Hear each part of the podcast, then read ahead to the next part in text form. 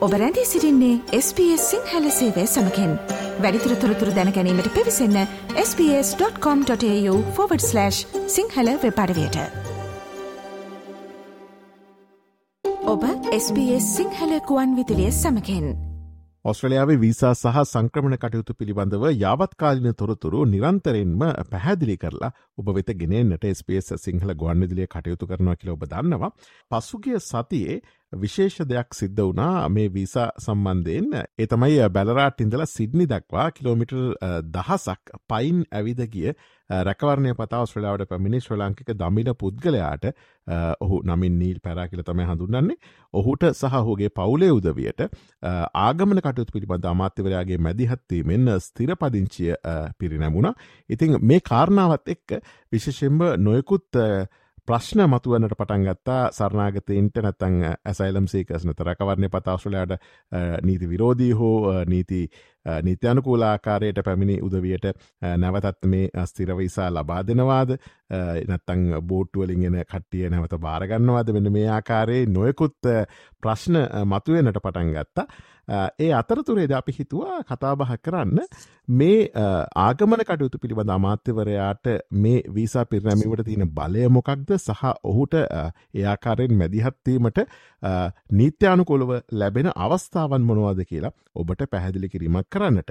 මේ සාකච්ඡාවට අපි කැඳවා ගත්තා මෙල්බන්ඩුවර සොලිසිටවරයක් බැරිස්ටවරයක් සහ සංක්‍රමණ කටයුතු පිළිබඳ නීතිඥවරයක් ලෙස කටයුතු කරන මදු වර්ණකුල සූරිය මහත්නයව. මදු අයිබවන්න කියල පිළිගන්නවා ස්පේස සිංහල ගොන් ඉදිරියට අයිවන් මතුර මදුව විශේෂ අවස්ථාවලදී අපි තාම සුලබ වහලා තිබෙනවා මේ ආගමන කටයුතු පිළිබඳ අමාත්‍යවරයා මැදිහත් වෙලා උන්ට සිරවීසා ලබා දෙන ආකාරය නැත්තන් ඒ වගේ ප්‍රවෘත්ති පසුගිය කාලවකවානුවේදී කිහිපයක්ම අපිට අහන්නට දකිට ලැබුණ. තැන් මේ වීස සහ ආගමන කටයුතු සම්බන්ධ මේ විෂයභහර අමාත්‍යවරයාගේ මැදිහත්වීම කියන්නේ මොකක්ද සහ එය ඔස්ට්‍රලයානු නීතිය දැක්වෙන්නේ කුමන ආකාරයෙන්ද කියලා අපි මුලින්ම පැහැදිලි කිරීමක් කරගමු.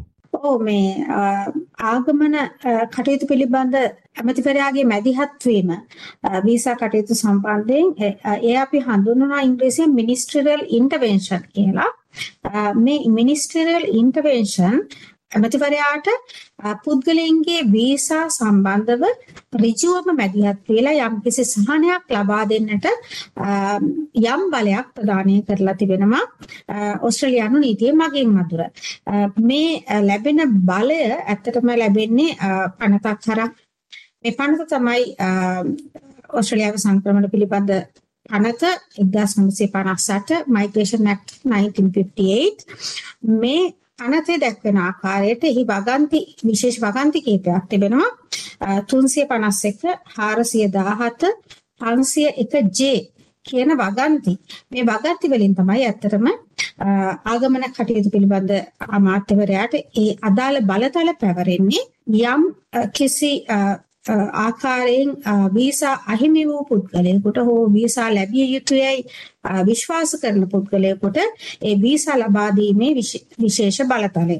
ඔබ දන්නවා වීසා සම්බන්ධව ඔබට වීසා අයදුම්පත් යොමු කරන්නට පුළුවන් ඩිපාර්ට්මන්ට් ඔෆ් හෝම් අෆෙයාර්ස් වෙත එයින් ඔබේ වීසා අයදුම්පත් ප්‍රතික්ෂේප වුවහොත් හෝ අවලංගු වුවහොත් එතනදී මෙරිට්ස් රිවිව් එහෙම නැත්නම් අභ්‍යාචනාදී අභ්‍යාචනයක් ඉදිරිපත් කරන්නට පුළුවන් AAT ඇඩ්මිනිස්ට්‍රේටිව් අපීල්ස් ට්‍රයිබියුනල් වෙත එතනත් ඔබට යම් කිසි සහනයක් නොලැබුණොත් ජුඩිෂල් රිවිව් යටතේ ෆෙඩරල් සර්කිට් කෝට් අධිකරණ පද්ධතියට ඔබ ආයුධපත යොමු කරන්නට පුළුවන්.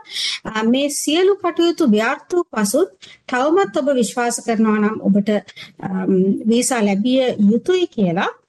එතනදී මේ ඇමතිවරයාට ඉල්ලීමක් කරන්නට පුළුවන් මధుර එතනදී තමයි ඇමතිවරයා මැදිහත් වෙන්නේ මැදිහත් වෙලා එතනදී ඔබට වාසිදායක තීන්දුවක් ලබා දෙන්නට ඇමතිවරයාට බලය තිබෙනවා. හොඳයි මදු දැන් ආගමන කටයුතු පිළිබඳ අමාත්‍යවරයාට මේ වීසා පිරිනමන්න ස්තිර වීසා පිරිනමන්න තීරණයක් ලබාදීමේදී ඔහුට හෝ ඇයට මැදිහත්වීමට හැකි අවස්ථාවන් මොනවද. ඇත්තම මෙතනදී සෑම විටම මැදිහත් වෙන්නට බෑ විශේෂ අමාත්‍යවරයාට එතනදී එයට public interest එහෙම නැත්නම් මහජන කැමැත්තක් තිබිය යුතුයි මේ ඇමතිවරයාට මේ සම්බන්ධව මැදිහත් වෙන්නට. අපි හඳුන්වනවා ministers public interest powers කියලා.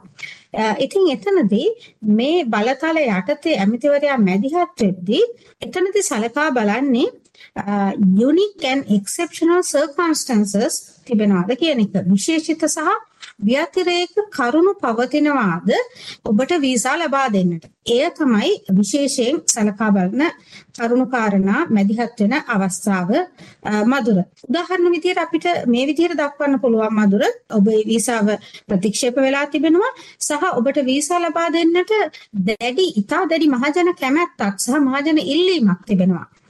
මෙන්න මේ වගේ අවස්ථාවක ඇත්තටම පුළුවන් ඇමතිවරයාට ඔබ වෙනුවෙන් මැදිහත් වෙලා මේ public interest powers යටතේ ministerial intervention යටතේ ඔබට වීසාව ලබා දෙන්නට.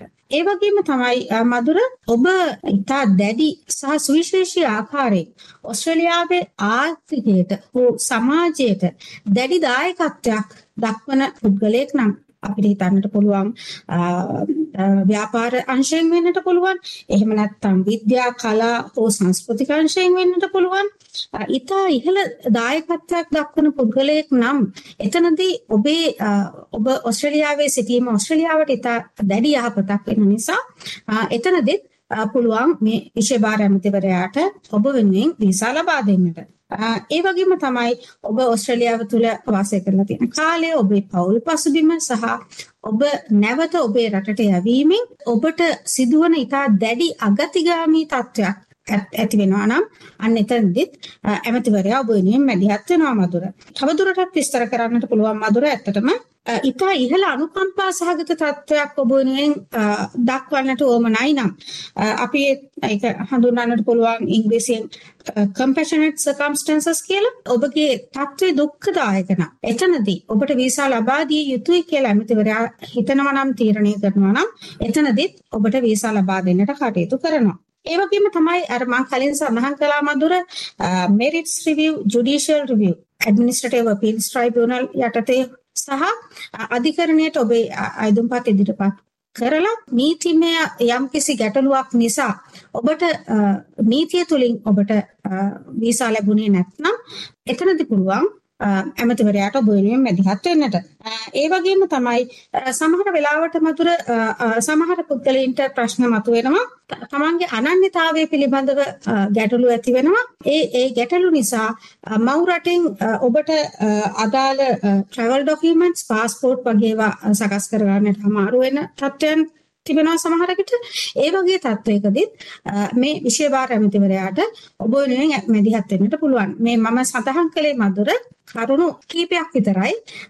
බොහෝ කරුණු කාරණා තව තියෙනවා මේ ඇමතිවරයාට ඔබ වෙනුවෙන් මැදිහත් වෙන්නට පුළුවන්. හොඳයි. අපි කතා බහ කරමින් පසුවන්නේ මේ ආගමන කටතු පිළිබඳ අමාත්‍යවරයාගේ මැදිහත්වීමේ නොස්ට්‍රලයාාවේ වීසා පිරිනමිම විශේෂමන සිර වීසා ලබාදීමේ කටයුත්ත සිද්ධ කරන මොනාකාරයද කෙන කාරණ සම්බන්ධයෙන් මේ සාකච්ඡාවට අපි සම්බන්ධ කරගෙන සිටන්නේ මෙල්බනුවර සොලිසිටවරයක් බැරිස්ටවරයක් සහ සංක්‍රමණ කටයුතු පිබඳ නීතිඥවරයක් ලෙස කටයුතු කරන මදූ වර්ණකුල සූරිය මහත්මයව.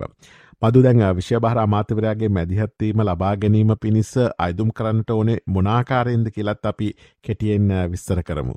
ඇත්තටම ඔබට සොයම්වම ඔබ විසින්ම හෝ ඔබ වෙනුවෙන් ඔබගේ නියෝජිතවරයාට ඔබේ සංක්‍රමණ නියෝජිතයා වෙන්නට පුළුවන් ඔබ වෙනුවෙන් පෙනී සිටින නීති සංක්‍රමණ නීතිඥවරයා වෙන්නට පුළුවන් ඔබ වෙනුවෙන් මැදිහත් වෙලා මේ විශේෂ අමාත්‍යවරයාට මේ ඔබ වෙනුවෙන් අයදුම්පත ඉදිරිපත් කරන්නට පුළුවන් මිනිස්ටරල් ඉන්ටර්වෙන්ෂන් රික්වෙස්ට් එක සිදු කරන්නට පුළුවන්.